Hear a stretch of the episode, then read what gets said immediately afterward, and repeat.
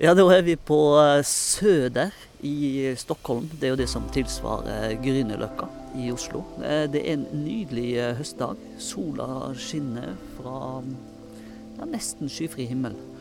Og bladene har begynt å bli gule, og det rasler, og det er nei, en fantastisk fin dag. Og her skal jeg treffe Beate Grimsrud, som bor i en av disse blokkene som er rundt meg nå. Hun er jo egentlig fra Haslum i Bærum, men flytta til Stockholm ganske ung og har bodd her eh, resten av sitt liv. Hun skriver jo eh, bøkene sine på svensk og på norsk. Det er jo en veldig fascinerende forfatter. Det er drøm, det er galskap, det er psykiatri, det er barndom, opplevelser. Så um, jeg gleder meg til å treffe henne. Bokpod er sponset av Cappelen Dam med støtte fra Fritt Ord. Produsent Monkberry. Musikk Herman Eide. Hallo. Hei. Stig på, stig på. Så her bor du. Her bor jeg på toppen. Er, er vi på toppen? Ja.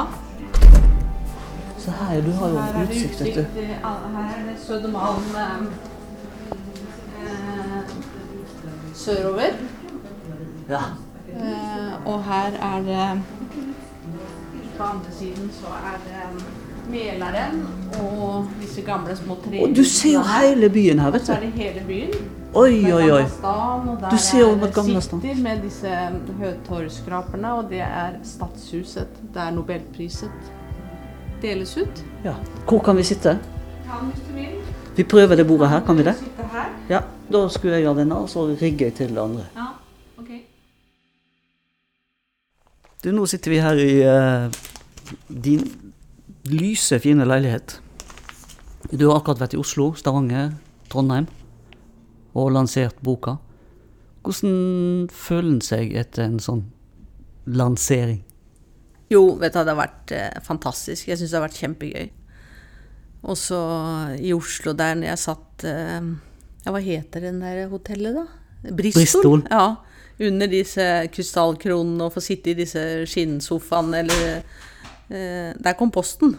Var det den som Den kom? kommer inn gjennom døra i Sverige, vet du. Oi, oi, oi. Så den kommer inn på matta. Jo, men å sitte i de eh, skinnstolene og, og ta imot liksom interesserte forfatt... Nei, eller interesserte um, journalister og fotografer. Eh, og så når du har sittet så lenge og jobba med noe og sånn føler at det fins et interesse, da. Og så er det anmeldelse. Er du spent på det? Jeg tenkte nok ikke så mye på det på forhånd. Altså, nå har det vært veldig mye skryt, da, og da eh, det, som, det som er med skryt, det er jo at man kan få en fart framover. At det er som om noen heier på en. Og da får man lyst til å jobbe mer og skrive mer og, og sånn. Eh, ja, der ringer telefonen, ja. Allerede. Allerede. Skal jeg Skal vi se.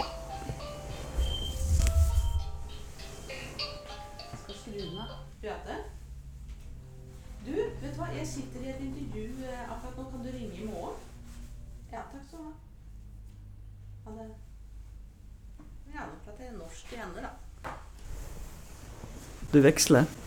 Eh, ja, jeg veksler. Altså det Hvorfor jeg veksler, er fordi at eh, når jeg kom til Sverige, så merka jeg jo det at så fort jeg gikk i butikken og snakka norsk, så svarte de med 'akkurat'. Og da tenkte jeg at jeg kan ikke bo i et land der jeg får høre 'akkurat' bare jeg går i butikken. Så her må jeg slå om. Og jeg hadde en onkel som bodde i Lund i veldig mange år og var, var eh, professor der nede. Og han, eh, han eh, liksom Er det for mye fly? Nei, nei, jeg bare så på helikopteret okay. som kom. Og han slo ikke over på svensk da, og han sa det at han underviste i sosialøkonomi, og han sa at hvis studentene ikke skjønner norsk, så kommer de ikke til å skjønne sosialøkonomi. Så det syns han var kravet, da. Men jeg følte veldig tidlig at jeg ikke ville ha noe svorsk, og at jeg ville ha to språk. Jeg ville ha et norsk språk, og jeg ville ha et svensk språk. Men vi, eh, vi holder på med anmeldelsene, Ja, som gir deg en push. Ja, det syns jeg. Jeg syns at det, du føler at det, Oi, det er noen der ute som heier på meg under, eh, under denne maratonløpet som det er å skrive og Jeg er veldig sånn, jeg trener jo veldig mye, da, og det er jo det som jeg har vært eh, tilhenger av helt siden jeg var liten, det er jo trenere. Da, og vært veldig avhengig av at de har pusha. Og jeg er veldig mye flinkere til liksom å ta inn når de står og sier liksom Ja, men nå er det 20 armhevinger til, og bare litt til, og litt til, og litt til, og den derre kjempe, kjempe, kjempe, kom igjen, kom igjen, kom igjen, kom igjen. Jeg er veldig sånn Da hører jeg godt, og så føler jeg at når jeg har tatt ut alt, så er det liksom Da er det mer å hente. Ta ut litt til. Oh, ja. Eh, jeg prøver å tenke på det når jeg skriver også, at jeg har den trenerstemmen i bakhodet. Eh, som når jeg skriver og føler at ja, men nå er jeg ferdig. Nei, kjempe litt til. Du kan litt til. Du kan, dette her kan du skrive gjennom en gang til, og du kan gjøre det enda bedre. Og Negative anmeldelser, hvordan tar du det? ja, altså det hører jo med, da. Ehm, det er lett at man tenker at nei, men den er, har ikke skjønt eller noe sånt. Men jeg tror det at alle bøker er ikke for alle. Du klarer å Ja. ta det så kaldt? Ja. Men det er klart, altså, det er ikke noe hyggelig, da. Men altså, det har vært eh, eh, overveiende positivt, og det har det vært helt fra starten av. Det starta vel med overskriften 'Magiske signaler' fra Grimsrud. Eh, og da var jeg liksom i gang. Eh, og jeg tenker jo på de som har fått veldig tøffe anmeldelser, kanskje i starten og sånn.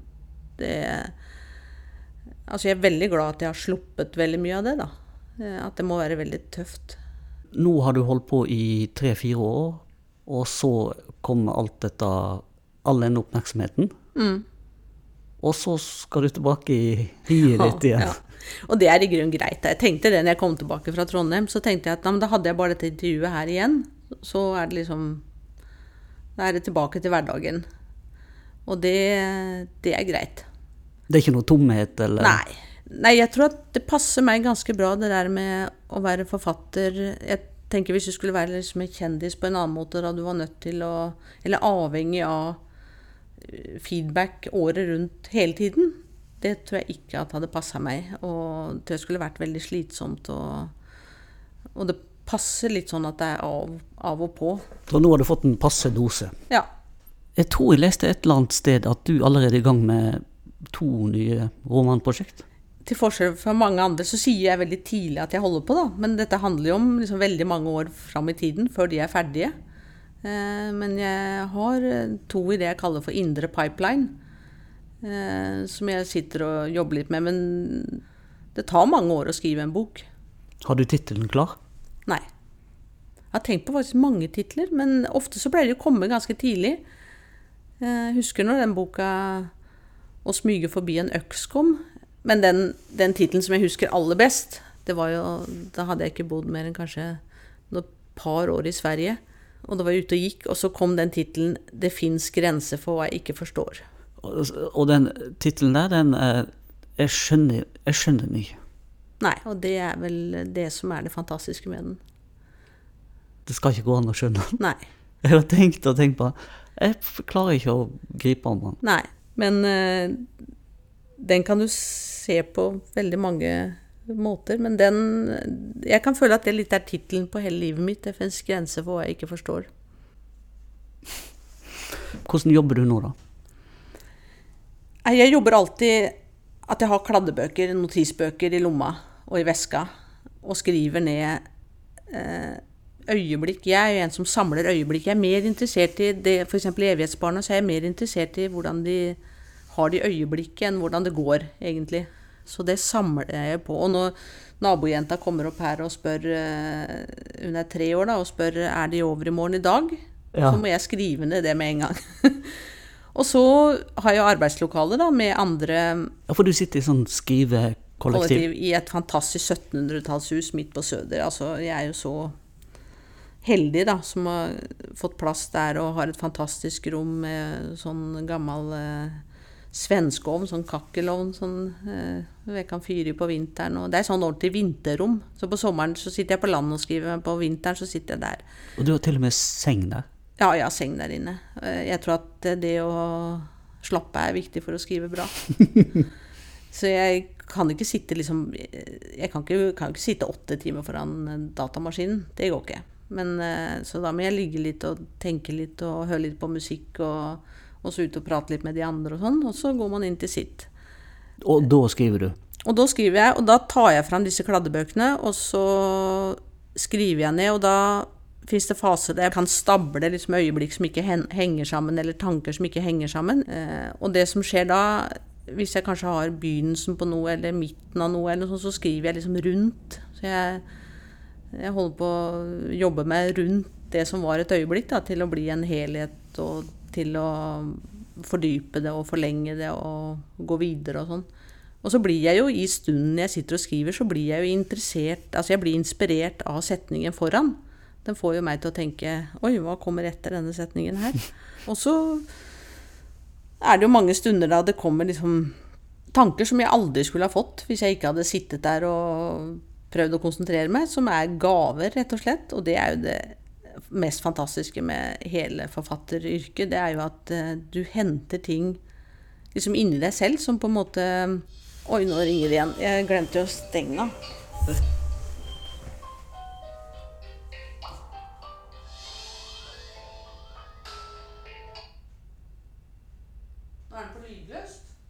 Det er bra. Det er bra. Det skulle jeg fått til. Eh, jo, eh, hvor var jeg? Jeg var det at eh, At det fins historier inni kroppen, eller hvor de nå fins, bare du sitter og tenker. Altså, du får eh, gaver og ting av deg selv bare for at du sitter og anstrenger deg for å få det fram, så går det an å hente det. Og hvis jeg ikke hadde sittet der, så hadde jeg ikke fått det. Da hadde det ikke eksistert i det hele tatt. Jeg pleier å si det at eh, jeg skriver ikke sånn som jeg har tenkt at jeg skulle skrive, jeg skriver sånn som jeg tenker når jeg skriver. Den er fin, den. Og så gjør jeg noe som nok ikke de fleste gjør så mye som meg. Jeg viser veldig tidlig til kolleger oh. og venner. Eh, nesten første setningen og første siden. Og jeg får feedback eh, på hele reisen helt fra jeg er ferdig. Er, de fleste syns jo at det å vise er forferdelig og sier at nei, jeg holder ikke på med noe, og så dagen etter så sier de ja, jeg har bare skrevet en bok her de siste fire årene. Men later som de ikke liksom De viser ikke reisen, da. Mens jeg har med meg veldig mange på hele reisen. Eh, kanskje eh, seks-syv stykker. det blir veldig mange innspill. Ja, og det eh, liker jeg veldig godt. Altså eh, flere hjerner tenker bedre enn én, da. Ja. Men tar du hensyn til disse innspillene? Ja, det gjør jeg. For det første så føler jeg at eh, en kritikk av manu, et manus er ikke en kritikk av meg. Det er det man må skille på. Og det lærte jeg meg veldig tidlig. Og det som jeg også får, er jo inspirasjon til å gå videre. Da. For da, det som jeg har lært helt fra jeg gikk på skrivekurs på Biskops Arne, det er å samtale rundt tekst. Da. Det syns jeg er fantastisk morsomt. Det gjelder jo når jeg samtaler med andres tekster òg. Og vi har mange kvelder akkurat her vi sitter her, da vi sitter i sofaen. og Enten har jeg lest et annet, en annens manus, eller så har den lest mitt manus. Og så prater vi om tekst og innhold og, og sånn, og da gir vi jo hverandre også inspirasjoner til å gå videre, da. Eh, ja. Jeg tar gjerne imot innspill.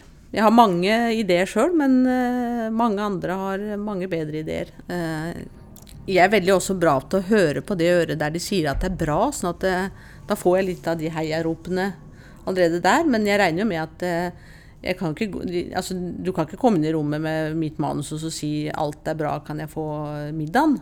Eh, Det går ikke an. Du må si noe mer eh, om hvorfor det er bra, og så må du komme til det som ikke er bra. Og så får de middag. Og så får de middag. Er du disiplinert når du skriver? Ja, jeg er nok ganske disiplinert. I og med at jeg syns det er gøy. Det er veldig sjelden som jeg syns at det er eh, for jævlig eller noe sånt. Det, det skjer nesten ikke. Eh, men eh, jeg er ikke så interessert i å skrive så fryktelig mange bøker. Jeg vil skrive noen gode. Sånn at jeg har det ikke travelt, da. Så jeg skriver jo når jeg har lyst, men jeg går jo til jobben. Jeg vil jo jobbe. Sånn at jeg går jo til jobben og Og jeg gjør sånn som jeg kaller for liksom kontorsarbeidet, Det gjør jeg hjemme. Sånn fiks som har med sende faktura eller ringe eller svare eller ringe en bibliotekar og Man skal jo være sin egen lille bedrift. Jeg syns at veldig mye av det er veldig vanskelig og kronglete, og kvitteringer og Når jeg har sendt en faktura, så sjekker jeg ikke om jeg har fått pengene etterpå. Altså, jeg, da har jeg glemt det. Jeg syns at eh, Jeg tenker at liksom Ja, livet er kort, og jeg vil, jeg vil holde på med innholdet. Skriver du hver dag? Ja, det gjør jeg. Nesten hver dag. Og så på helgen når jeg er ute på landet, og på sommeren jeg er ute på landet og sånn, så skriver jeg også nesten hver dag, men det kan handle om en time, da. Jeg sitter ikke sånn at jeg må skrive fire timer, eller at jeg setter meg klokka seks på morgenen. Eller det er ofte ikke Den timen er kanskje på sommeren før, før klokka to, eller noe, mellom to og tre. Men for meg, jeg er ganske rask, sånn at det å sitte en time, det, det kan nok rekke for en arbeidsdag. For meg holder det hvis det er eh, fem gode setninger. Men det kan jo være tre sider også. Er du sånn som skriver igjennom flere ganger? Eh, ja, det gjør jeg. Men altså Jeg må jo gjøre det også fordi at jeg skriver både på norsk og svensk. Jeg kan ikke stave, vet du, så jeg skriver jo så krøkt så at alt er rødt. Så jeg må jo gå gjennom bare for å øh, få disse røde ordene til å bli uh, uten rød strek under. Og da klarer jeg litt av det sjøl, da, med disse nye rettstavningsprogrammene og sånn, men litt må jeg ha hjelp til, da. For du har, du har uh, dysleksi? Ja. Klarer jo ikke å skrive e-postadressen min eller andres e-postadresser, eller røre meg bevege meg rundt på nettet og skrive inn riktige ord. Hvis noen sier sånn Ja, men eh, du kan bare google på Chopin.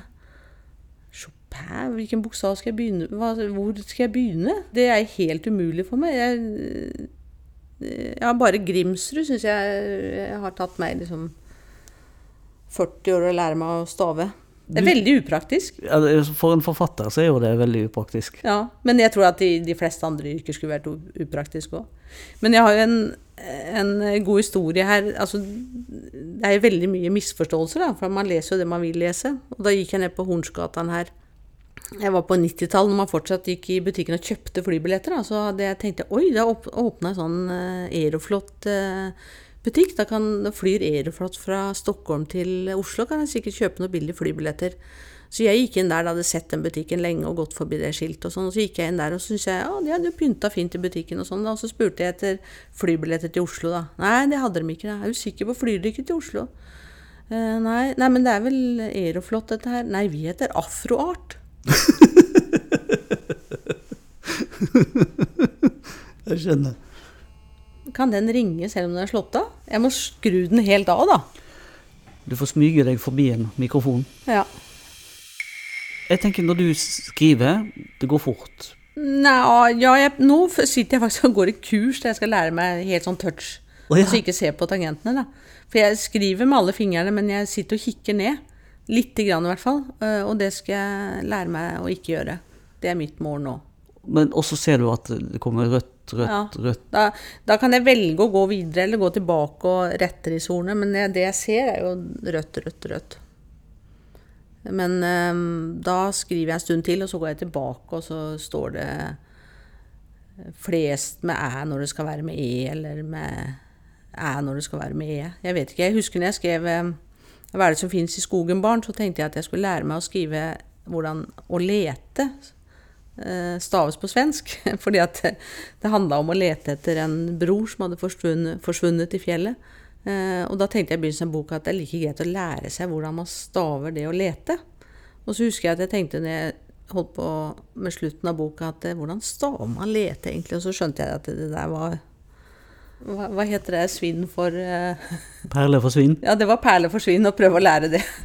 Nei, det Man har forskjellige Man er liksom har talent for forskjellige ting her i livet. Og jeg hadde liksom balltalent, og trikse med ballen og sånn. Eh, og alle hatt talent for å lære meg all idrett veldig fort, og bevegelse med kroppen og sånne ting. Men jeg ser ikke ord, jeg, jeg, altså, og ser ikke navn heller når de bare står. Jeg må liksom høre det.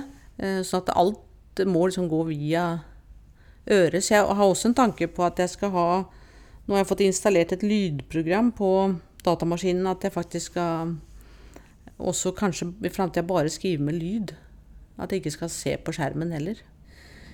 Å være forfatter Folk syns jo at det er en rar kombinasjon, da, men det å være forfatter har jo med det å ville fortelle å gjøre. Så det har jo ingenting med, med alltid vært pratsom og ville fortelle historier. sånn at eh, det å kunne stave har jo ingenting med forfatteryrket å gjøre i det hele tatt. Det fins altså veldig mange i forlagsbransjen som kan det.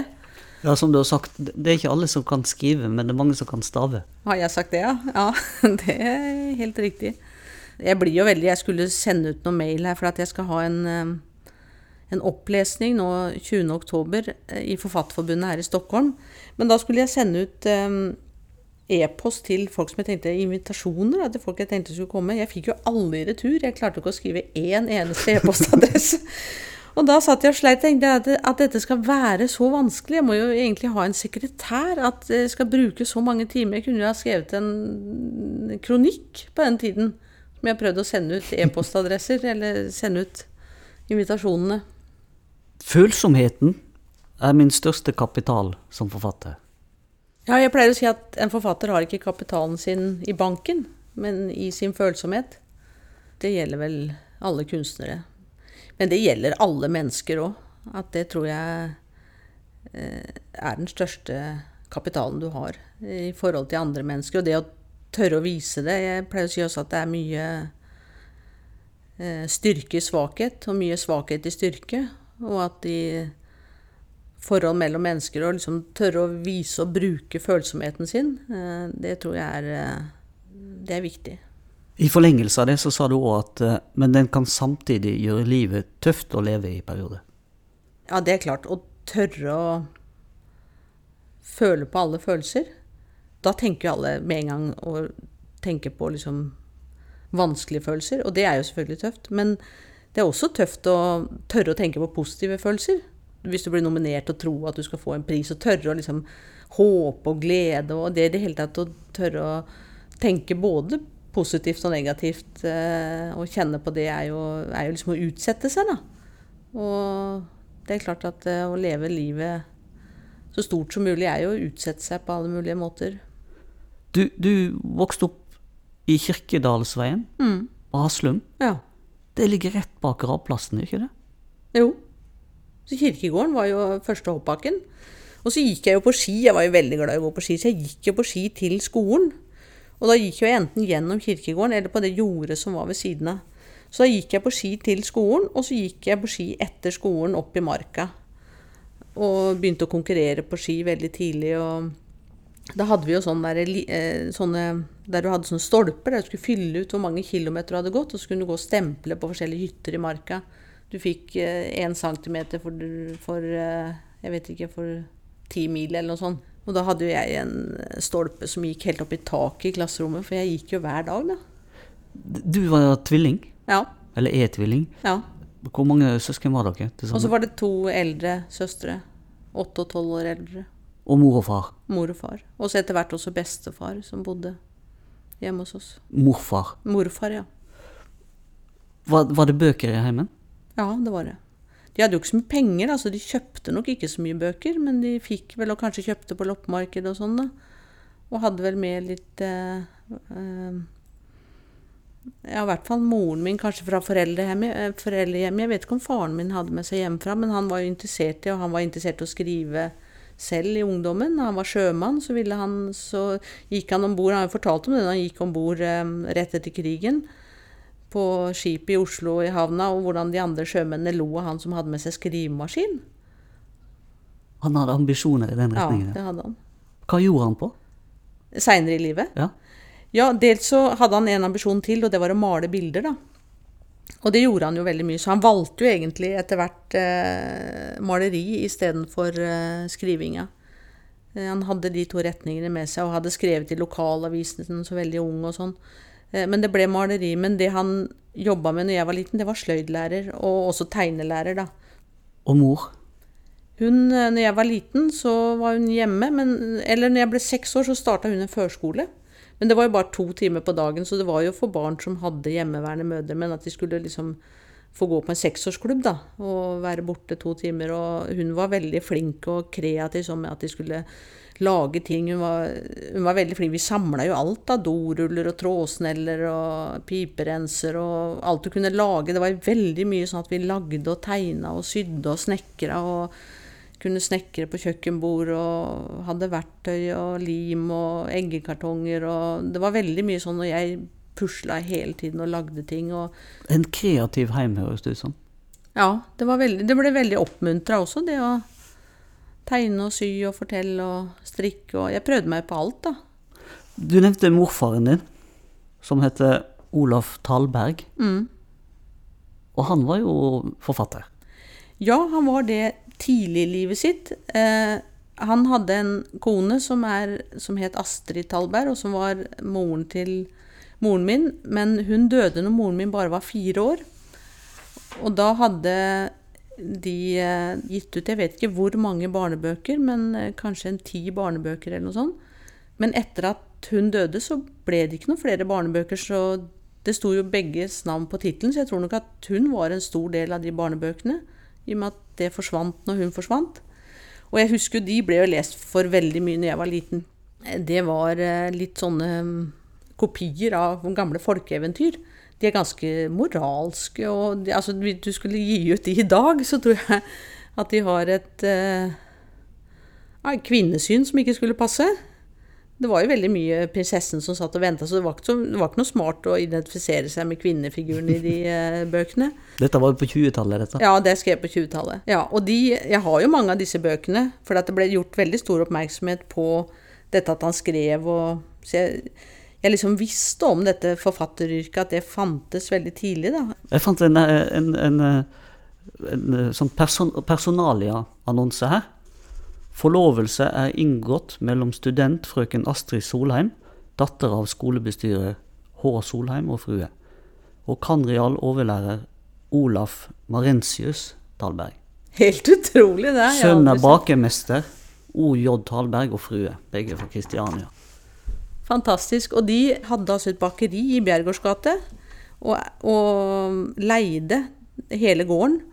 Eh, det fins en, en, buet sten, det fins en trapp som heter Martatrappa, og moren min, som ble født på Haslum, men etter at moren hennes døde, så flytta de inn til Bjergårds. Så da flytta hun fra, kan du si, fra landet og inn til byen, da. Og da satt hun, eh, når hun var liten, på den der Martatrappa, da. Eh, som hun har vært og sett på nå er hun 90 år. Og nå har hun vært tilbake og sett det at det er veldig forandra, men Martatrappa er der. Oi, ja. Men han, han, han uh, Olaf Talberg, mm. han var egentlig var en matematiker, eller var han? Ja. Og så utga han noe som heter lomme, Lommebok for gutter. Ja, uh, der, men der sto det om f.eks. sånne Eh, rekorder på skøyter og sportresultater. Og så var det det han lagde også, det var at han lagde det som i dag nok Han kalte det for nøtter, forskjellige nøtter, og jeg tror at han gikk under navnet Per-Ola Per eller et eller annet sånt i, i aviser. Han lagde det, så lagde han kryssord, men han lagde altså veldig masse sånne der nøtter i masse magasiner. IQ-tester og Ja, IQ-tester og sånn. Så ved siden av det å jobbe som lærer i matematikk, da, så og jeg er jo veldig glad i sånne IQ-tester. Altså syns at det der nå er det fire trekanter og fem firkanter hver som kommer nest her. Altså sånt syns jeg er veldig gøy. Egentlig så følte jeg nok at uh, matematikken lå meg liksom nærmere enn språket. Tenke på matematikk, det har jeg alltid likt. Å tenke på gåter og logikk og sånne ting. Da. Det syns jeg jo den dag i dag er veldig spennende. Det er en anmeldelse av en ny lærebok i matematisk geografi, som din morfar skrev. Oi. Aftenposten, ja. Ny lærebok i matematisk geografi. Fikk han god kritikk? Ja, veldig bra kritikk. Veldig bra kritikk. Ja, men da ble han nok glad. Han var jo veldig stolt da, over sin egen, over seg selv. Altså, han kom fra ganske fattige kår. Og fikk eh, stipend da på slutten av Han var født 1890, som har vært rett over på 1900-tallet. Så fikk han jo stipend for å begynne på universitetet, antageligvis bare 14 år gammel. eller noe sånt, Og det hadde han jo ikke hatt noen mulighet til hvis han ikke hadde fått dette stipendet. Da. Men da hoppa han jo over liksom, det som i dag hadde vært gymnas og sånn, og begynte som veldig ung rett på universitetet fordi at han var eh, ja, han var lynende intelligent på visse områder. Da. Så fantes det jo områder altså det, det, jo, det, der intelligensbegrepet er jo veldig enkeltspora. Altså man kan jo være veldig flink til på å sette sammen firkanter og sånn, og så kan man være liksom f.eks. ha dårlig sosial intelligens. Sånn at det, eh, vi Han var veldig stolt av liksom akkurat det området han eh, hadde klart å score på, da. Så han kalte seg sjøl for eh, Når vi fikk julepresanger, så sto det på lappen fra HP, hovedperson. Men han, han jobba på Dam, da, og det er litt morsomt nå at jeg er på Cappelen Dam. For han, han, lagde også mange spill. Sånn at han eh, Hvert år så fikk han en pakke fra Dam med spill og bøker. Og da kom den hjem til oss, og så fikk vi sitte og dele ut til de andre fetterne og kusinene hvem som skulle få hva. Men det gjorde at vi fikk velge først, da. Hvilke spill og bøker som vi ville ha. Og så sendte vi ut til de andre. Men den pakka fra Dam hvert år var jo helt Ja, det var jo en gave. Du drev jo med alt mulig. Mm. Fotball, langrenn, skihopp. Mm. Jeg var jo innom alt basket, og jeg ville jo prøve alt. Var du hyperaktiv? Nei, jeg tror ikke jeg var hyperaktiv. Du var aktiv. Jeg var aktiv. Men jeg brukte nok alle timene til fysisk aktivitet. Og så kom den dysleksien din, fordi du lærte deg å skrive og lese veldig seint. Ja, det gjorde jeg. Men før det så tvang jeg jo den eldste søsteren min til å skrive på skrivemaskin. Så jeg fikk jo ned fortellingene mine fra tidligere. Så hun satt Og jeg har jo De tre andre jo, eller to andre er jo dyslektikere også, også, så de kunne jeg ikke få hjelp av. da, Men, men jeg hadde den eldste, hun var ikke det. da, Så hun skrev ned på maskinen da. Når lærte du å lese og skrive? Ja, det er vanskelig å si, men eh, altså jeg kan jo ikke det eh, perfekt en dag i dag. Eh, men, eh, så det har jo gått eh, gradvis. Men altså både for eh, min nest eldste søster og for meg så leste jo fatter mye av pensum, da. Og jeg husker jo veldig godt, sånn at jeg vet eh, Jeg gikk jo på voksengymnaset fordi at jeg gikk på folkehøyskole, så jeg på, tok jeg på Hegdehaugen voksengymnas. Jeg tok det jo bare på to år, da, men da gikk jeg opp som privatist i alle fag, og da det var jo en fordel for meg, da, for da kom jeg opp muntlig. Da kunne jeg jo snakke meg gjennom allting. Så det gikk jo strålende. Hadde jeg gått, liksom, skulle gå hver dag i skolen og skrive prøver og sånn, så hadde det sikkert ikke gått så bra. Men da hadde jo han f.eks. lest om den franske revolusjonen. Og jeg kunne jo gjenta alt. Og det gjorde at det gikk bra, da. Men du skrev, selv om du ikke kunne skrive. Ja. Det gjorde jeg. Og fortalte. Og opptatt av det å skrive. Ja. Og sikker på at jeg, dette skal jeg holde på med. Du hadde bestemt deg for å bli forfatter veldig tidlig. Ja. og Du skulle debutere før du var Elleve. elleve. Ja, det var målet, faktisk. Jeg hadde hørt om en amerikansk jente som hadde debutert når hun var 11. Så da kom den der konkurransegreia inn, da. Eh, Men da, klarte, da skrev søsteren min på maskin det jeg dikterte, og den boka het Stenen. Men eh, av en eller annen grunn så sendte vi jo ikke inn den til et forlag, vi sendte jo inn hele originalet til barne-TV. Til NRK. Ja. Og derfra fikk vi det aldri tilbake. Så det, hvis det fins, så fins det der. Du har òg en gang sagt at du ble forfatter da du gikk i rondene. Jeg tror det at når man har levd eh, lenge, så er det mange begynnelser og mange historier og mange sannheter. Og jeg tror at jeg har liksom ti historier om hvordan jeg ble forfatter. Det skjedde liksom ti ganger. Den ene minte broren min meg på i sommer, fordi at han gikk i Rondane med datteren sin fra hytte til hytte. Og så fortalte han om når vi gikk fra hytte til hytte når vi bare var seks, og skulle, nei syv, vi skulle begynne på skolen til høsten og hadde fått sekker til å vokse i, og kom inn til eh, Ronnvassbu, og så skulle vi gå til Dølåsheter, hvis jeg husker disse hyttene rett. Men da var det sånn at eh, jeg fikk omgangssjuke og spøy. Eh, og så går det en båt over eh, fra Ronnvassbu som gjør at turen blir mye kortere, men akkurat den dagen så gikk ikke den båten. Så da måtte vi jo ta turen rundt, som var en tur på en ti timer. Og hvorfor båten ikke gikk, var for at det var tåke og regn. Og det var jo det vi måtte gå i. og det Bjørne husker da, det var jo at jeg begynte å fortelle historier. Og at jeg fortalte time etter time. Og spøy og fortalte. Og da fikk han en sånn opplevelse at her var det født en forfatter. og da tenkte jeg på det Når han fortalte det nå, så tenkte jeg på det som en sammenligning med liksom 1001 natt, da, da hun forteller for å overleve, og at jeg liksom fortalte for å overleve, og at jeg på en måte fortsatt forteller for å overleve. Du må ha hatt tålmodige søsken som har hørt på Ja, virkelig. Og også Vi delte rom, da. Jeg hadde køyeseng, og jeg tror nok at det siste Bjørne hørte når han eh, sovna, det var jeg som fortalte, og det første han hørte på morgenen, var jeg fortalte. Men så fikk jeg jo Det fantes jo andre barn, da. Så at jeg hadde jo i dukkestua så hadde jeg fortellerstunder. Og så kom eh, moren til en av de guttene som hadde vært der, og sa det at eh, Øyvind, han eh, vil så gjerne kjøpe den boka som Beate forteller fra. Og da sa moren min det at den fins nok ikke enda.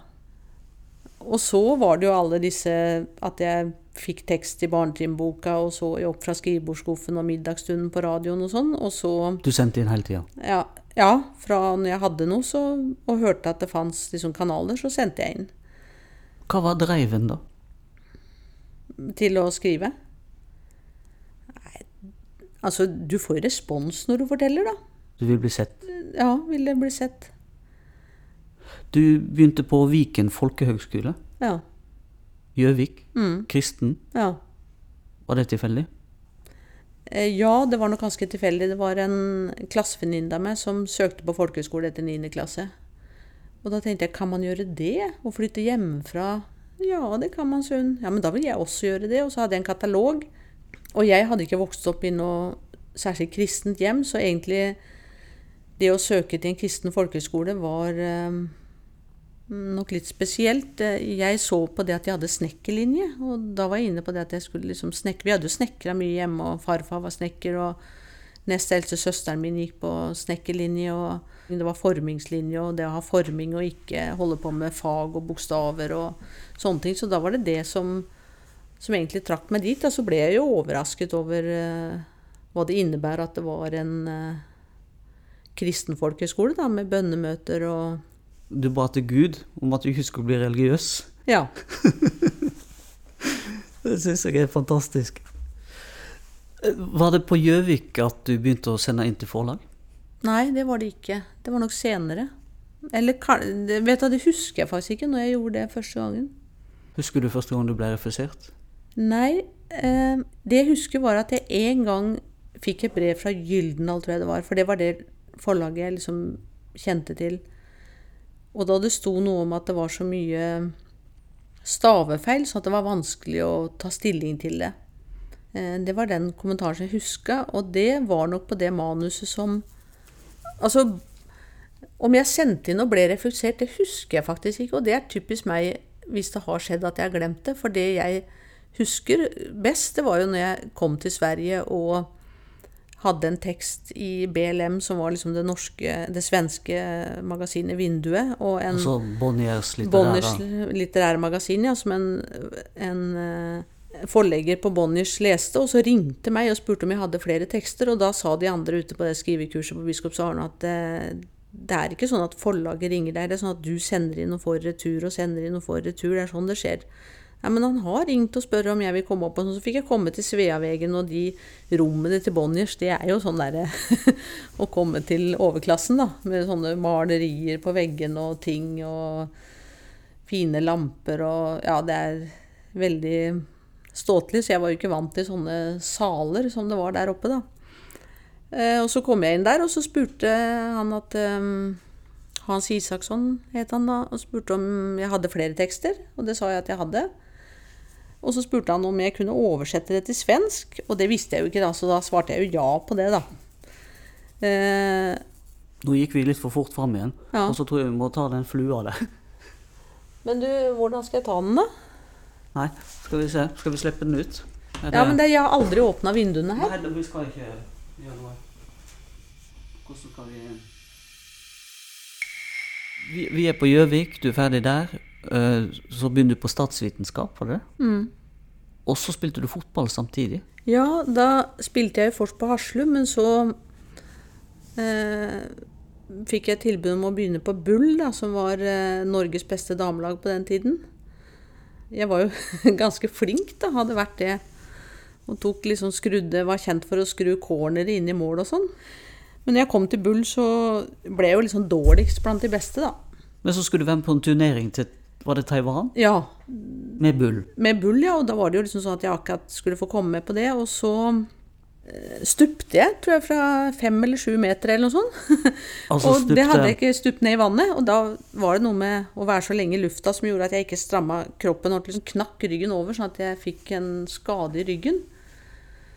Eh, og det gjorde jo at jeg ikke kunne være med. Og det jeg gjorde da, det var jo at jeg vaska på en brannstasjon i Oslo. Og, ganske, og på Aftenposten.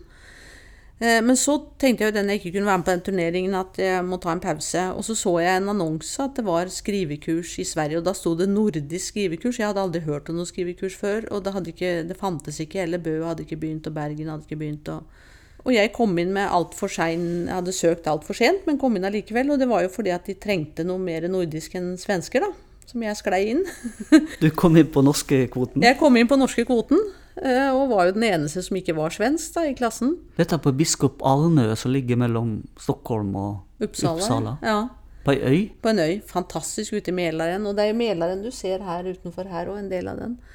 Eh, Så jeg kom dit og tenkte at nå skal jeg være her et halvt år. Du kjente ingen. Jeg kjente ingen. Og jeg husker jo oppropet, det var jo helt fryktelig. Jeg satt jo sist eh, i en sånn hestesko, og det var jo sånn der studert litteratur. Pappa er forlegger, eh, har debutert. Ja, det var jo liksom fryktelig, og jeg var jo blant de yngste. Så jeg, når det kom til meg, så typisk nok, altså jeg var jo litt sånn punker på den tida, så det jeg sa var jo at eh, jeg er mot litteratur. Men For det var jo et forsvar for at jeg hadde jo lest så lite i forhold til disse som var der, og Du hadde ikke lest noen ting. Nei, jeg hadde ikke lest noen ting, faktisk. Jeg hadde lest noen folkeeventyr. Hadde hørt mine besteforeldres folkeeventyr. Det var det. Jeg hadde ingenting i bagasjen. Men eh, jeg strevde meg gjennom de andres tekster fordi at vi skulle diskutere dem i handlingsgruppen. Men det sa jo læreren etterpå at det var ingen som snakka så godt om de andres tekster for deg. For de andre leste jo hverandre så slurvete, mens jeg strevde virkelig med å skjønne hva de andre hadde prøvd å si. og så vet jeg jo det at eh, de skjønte jo ikke mine tekster heller, men jeg sto jo i biskopskjøket, heter det der. En sånn Ja, det er vel 1600-talls eh, rom, da, og der sto jeg og leste Undergrunn nede på bunnen, underfundig i grunnen. Der går mennesker uten smil om munnen, og de syntes det var fantastisk. Og alt var jo bare Jeg ramsa opp sånne lange liksom, dikt som jeg hadde skrevet, da, og eh, så at jeg fikk jo liksom ble møtt positivt, men nok som en eh, liksom, raring som snakka norsk og hadde litt punkete klær og, ikke, og hadde sin egen måte å skrive på. Men det som skjedde der, det var jo at gjennom de tekstsamtalene og gjennom alle de forfatterbesøkene som kom til skolen, så fikk jeg jo et innblikk i en annen type litteratur. og Eller i litteratur. eller i litteratur, ja. Og jeg tror jeg fant også mitt eget språk etter hvert. Det at du ikke hadde noen referanse, du var på en måte sånn ubesudla sinn når det gjaldt litteratur. Mm. Var det det som førte til at du fikk et eget språk, tror du? Ja, veldig mange har sagt og trodd det, og det tror jeg, vi, tror jeg nok er delvis sant. Men når jeg oppdaget dette med lydbolker, da, for å komme til det, og begynte å høre på klassikere og sånn, så Altså, det var en oppfinnelse større enn jul. Jeg var helt salig første gang. Den første boka jeg lånte, det var 'Orlando' av Virginia Woolf. Og jeg gikk rundt i leiligheten og ropte sånn 'Orlando, Orlando'. Og så tenkte jeg nå har hele verdenslitteraturen åpna seg for meg. Så hadde jeg Det jeg liksom tar til meg av litteratur i dag og sånn, det Jeg tror ikke det ødelegger det egne eller det personlige, da. Jeg tror at det bare utvider det. Så jeg tror at bra litteratur er jo aldri skadelig for en. Tvert imot. Men det er klart at jeg måtte jo finne opp hjulet litt sjøl, da, og det Ja, det gjorde jeg. Ja, og da skjønte jeg jo det at jeg kunne jo ikke reise hjem til noe statsvitenskap. Ble du ett år der, eller? Ja. Det var meningen et halvt år, og så var det mulig for å søke fortsettelseskurs. Og så tok jeg det. Og der skrev jeg jo tekstene som ble tekstene i 'Det fins grenser for hva jeg ikke forstår'. Det skrev jeg jo der første året. Som var en novellesamling. Ja, du kan si det var jo ikke, en, det var jo ikke noveller i den forstand heller. Det var tekster som jeg satte sammen og kalte novellesamling. Du fikk en fantastisk mottagelse. Jeg fikk en fantastisk mottakelse, ja. Og så fikk jeg et brev fra Lars Aabye Christensen, som satt på, da het det bare Cappelen, og satt der og gjorde en antologi som het Signaler. Og så sto det 'Gratulerer med fin, fin eh, mottagelse i Sverige'. Eh, vi lurer på om du vil komme til oss og skrive en tekst for signaler, og komme og besøke oss på forlaget Norge. Eh, og da lå Cappelen nede i gamle Oslo. Da gikk jeg dit, og siden har jeg vært der. Da fikk jeg en fantastisk mottakelse der, og følte at de også hadde åpna døra og bedt meg inn. Og siden har jeg vært der og vært veldig fornøyd med det. Og så hadde alle vennene fra Biskops Arne flytta inn her, og jeg skjønte jo at i Stockholm så var det et yrende teaterliv og filmmiljø og sånn. Det var jo en filmklubb også ute på Biskops Arne, og jeg hadde jo ikke sett noe kino heller. Jeg hadde sett Høkkelberg i Finn og Flåklypa. Jeg hadde sett to filmer. Og så var det den avanserte kinoklubben. Så en av de første filmene de viste, det var eh, det er 'Offer' av Tarkovskij. Han heter vel Tarkovskij. Med Erland Josefsson i hovedrollen. Og da jeg så den filmen Og så var det flere filmer av han. Eh, veldig sånn eksperimentelle russiske filmer. Da, og da, da, trodde jeg at dette er det som er film. Jeg syntes det var fantastisk. Da. Det passet, jeg syns jo at jeg hadde prøvd å se på noe Detektimen og sånn som jeg hadde ramla med en gang. Da, da, skjønte jeg jo at nei, men nå skjønner jeg film. Så da fikk jeg jo liksom ti i topp der med en gang. Fra å gå rett fra Flåklypa til det. Den mottakelsen i Sverige førte jo deg inn i masse Du ble annet spaltist. Mm. Du ble på en måte en slags uh, Ja, en kan man si kjendis? Er det å dra det for langt? Ja, i hvert fall innenfor. Altså, det var når jeg skrev disse kronikkene i Dagens Nyheter, som da var Sveriges største avis, da, så merket jeg jo det at det, eh, da hadde jo eh, avisene sikkert større gjennomslagskraft enn det de har i dag, og det at det gikk over liksom alle klassegrenser. Både høyt og lavt eh, hørte, lot høre fra seg, og det førte liksom til flere oppdrag, da. Tre år etter debuten, novellesamlingen, så kom din første roman. Kontinent... Nei, hvordan sier man? Continental, eller sier man det? Ja, det, altså jeg skulle jo finne Den heter egentlig Pianobar Continental Heaven. Jeg skulle finne et navn på en danserestaurant som skulle være sånn klasse B. Der det skulle være en pianist som eh, eh, satt og spilte. Og der hovedpersonen eh, reiste, og dette handlingen er lagt i Italia, da.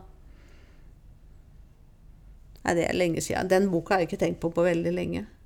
Mottakelsen i Sverige var god der òg. Ja. I Norge var det mer avmålt. Ja. Og så skal du skuespill, flere skuespill. Og så, eh, i 1998, da kom eh, det store gjennombruddet. Å smyge forbi en øks. Ja, og på svensk heter den 'Jag smyger forbi en yxa'. Så der gjorde jeg litt forskjellig på tittelen. Og da eh, fikk du mye oppmerksomhet igjen. Ja. Hvordan var det?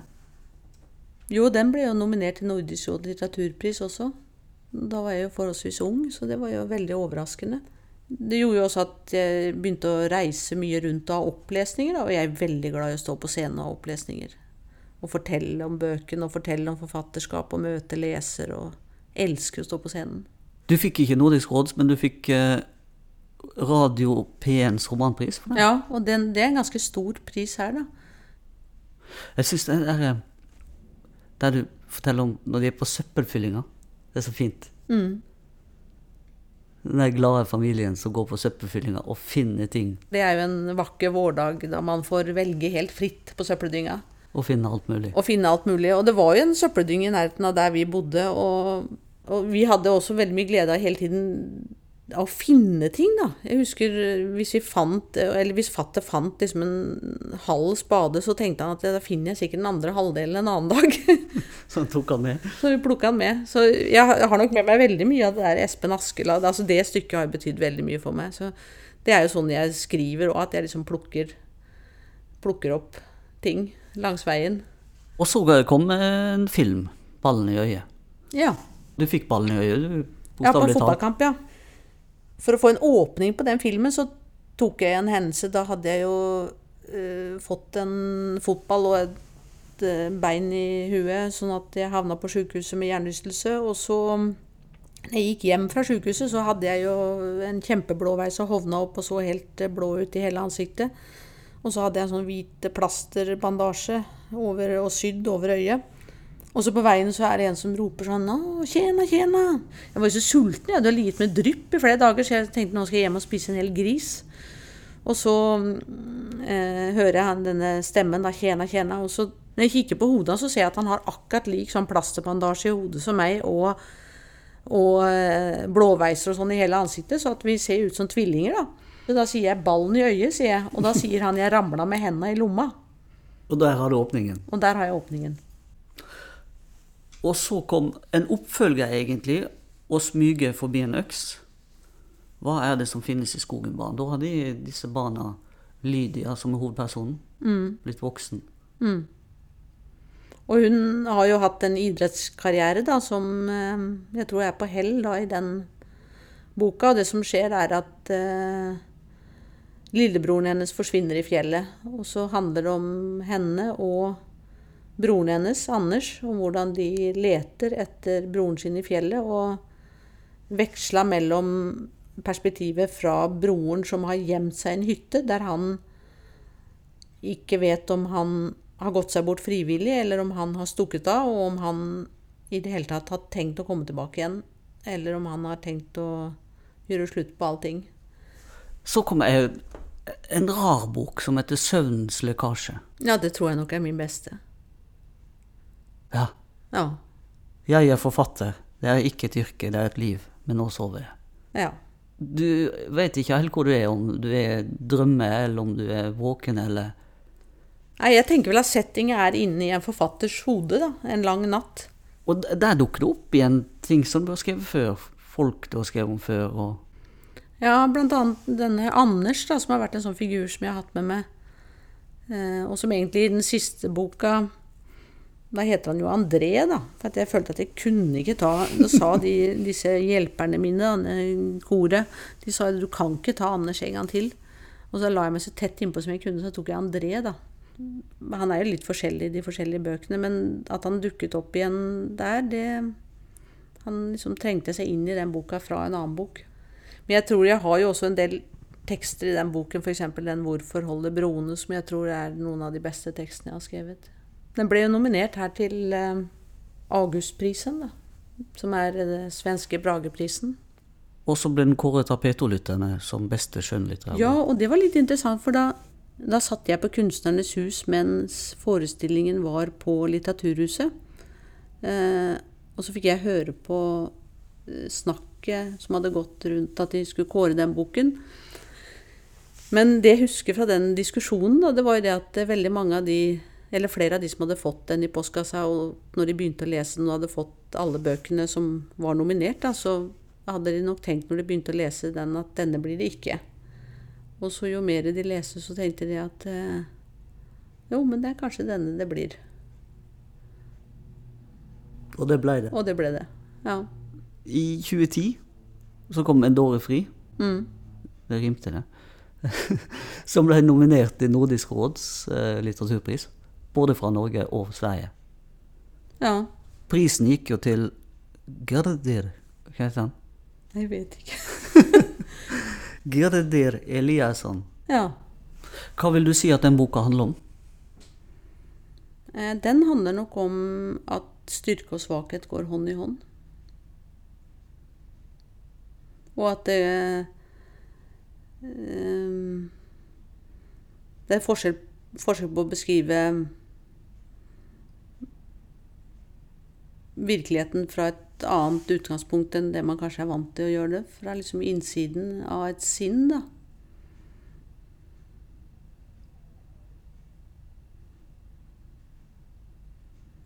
Og når jeg begynte å skrive den, så hadde jeg jo tenkt at hovedpersonen skulle være en kunstner. Og så merka jeg det at det, eh, klarte jeg ikke, selv om jeg hadde levd veldig nært kunstner og hadde også med faren min som art og søstrene mine holdt jo på å male, og jeg hadde mange venner som var kunstnere og sånn, men så tenkte jeg at nei, jeg må nok være forfatter allikevel.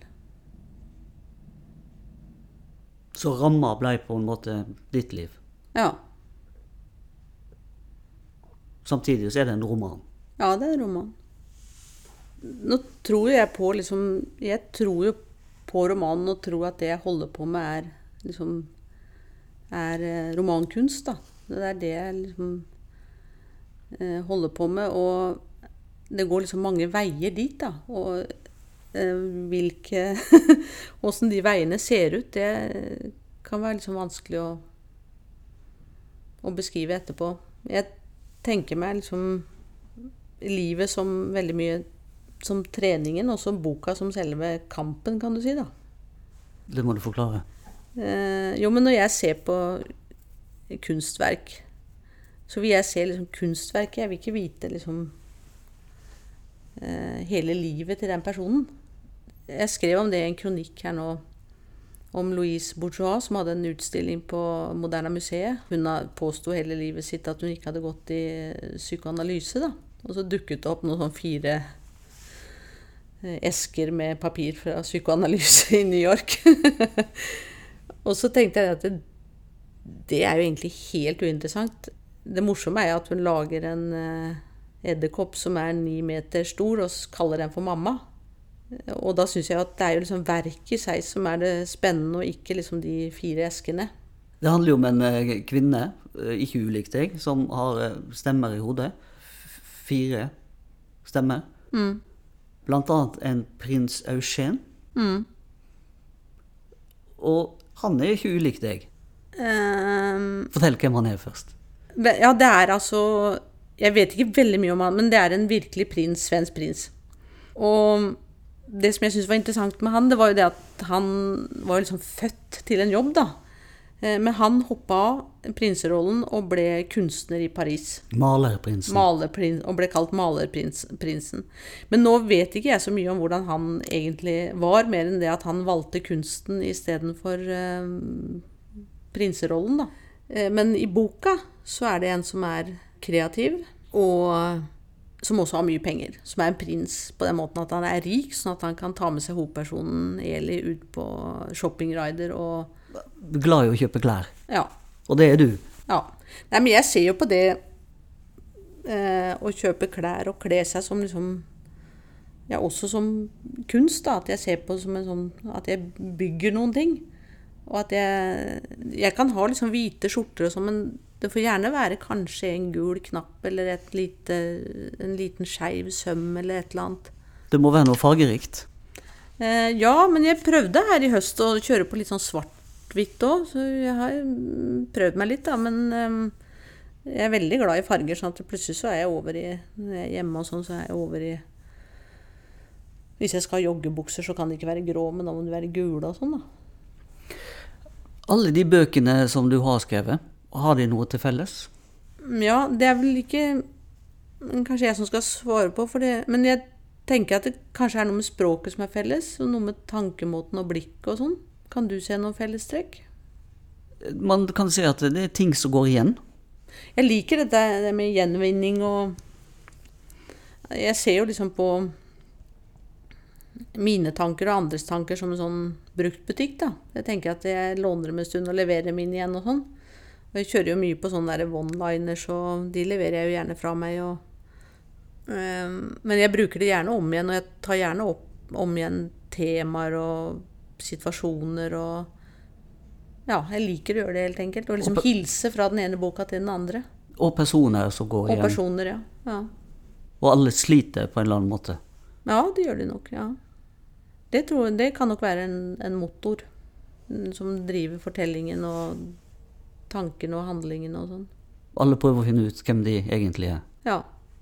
Jeg tror jo det at det å være forfatter er jo muligheten å få fordype seg i hva det vil si å være menneske, og det er jo det en leser også får. Fordype seg i det.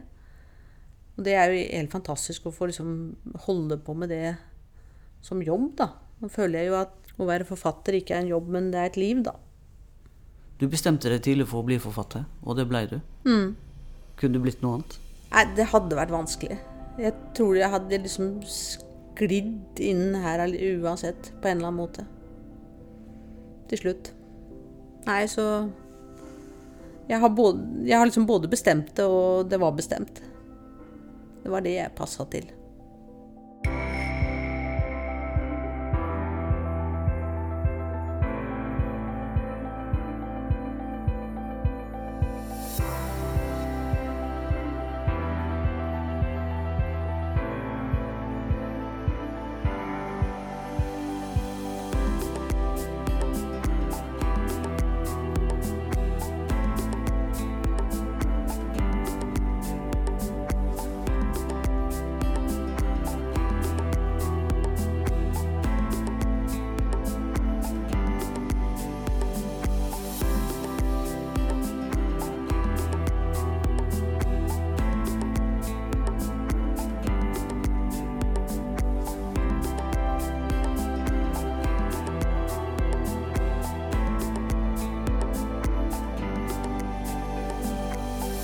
Skulle være unge forfattere på bokmessa i Gøteborg. Og da var jeg kanskje 29 og syntes at jeg var litt gammel. Og så merka jeg at de andre unge forfatterne fra de andre nordiske landene, de var jo 40.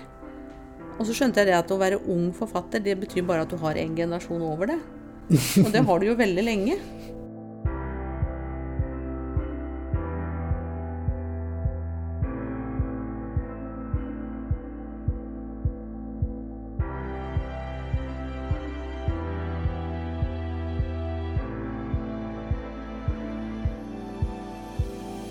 Og vi er tilbake neste uke, da med Vetle Lid Larsen. Og jeg hadde jo den beste Jeg hadde jo den feiteste journaliststillingen i norsk presse. Fordi at jeg var jo en liten sånn golden boy akkurat et lite periode der, så jeg reiste jo hvor jeg ville i verden og hadde store oppslag og egentlig ubegrensede ressurser, og det var jo en fantastisk Jeg vet jo, jeg har mange ganger tenkt på etterpå at fader, så gøy det var. Hvordan kunne jeg si opp den jobben?